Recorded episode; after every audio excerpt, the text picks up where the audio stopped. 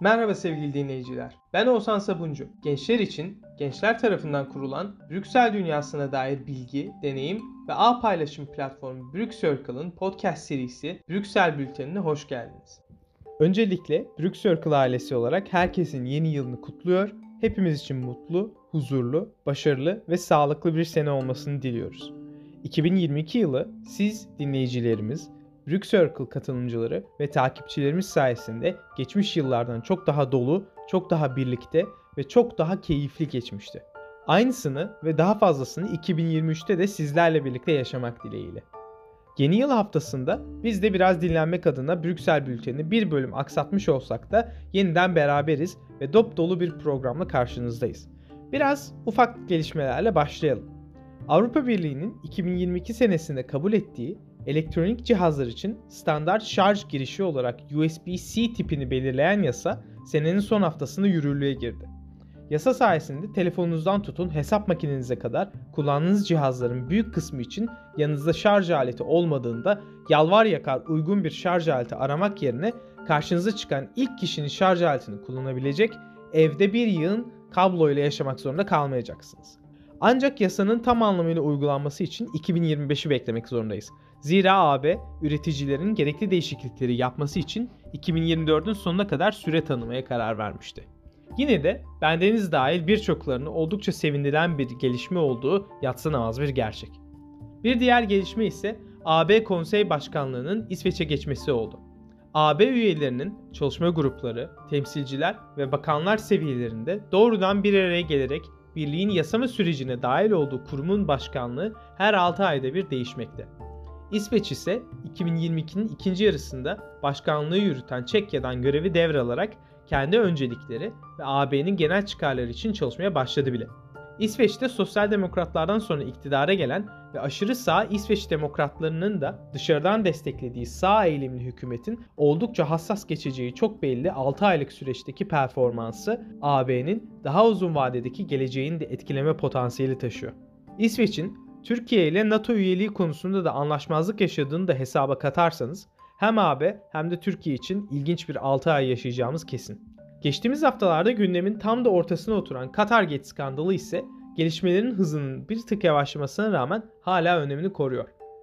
Avrupa Parlamentosu Başkanı Roberta Metsola, soruşturmanın yürütüldüğü Belçika'da sürecin devam edebilmesi için bazı AP vekillerinin dokunulmazlıklarının kaldırıldığını açıkladı ve süreçte kimseye acınmayacağını çok net bir şekilde ifade etti.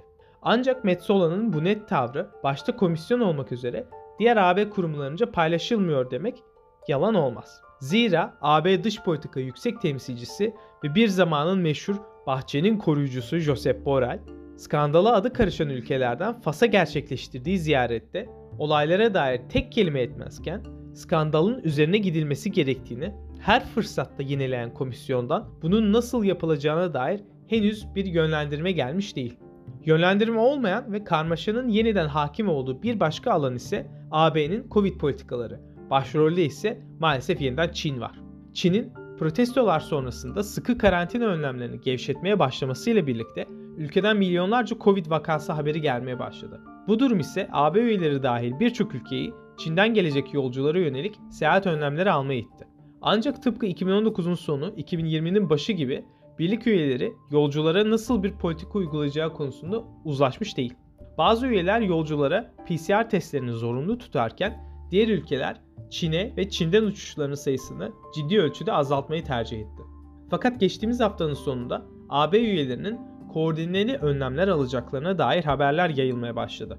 Buna göre üye ülkeler Çin uçuşlarında koruyuculuğu yüksek maskelerin kullanılması, yolculuktan 48 saat önce negatif Covid testi sunulması gibi önerilerde bulunacak. Ancak bu öneriler en azından henüz bir zorunluluk değil.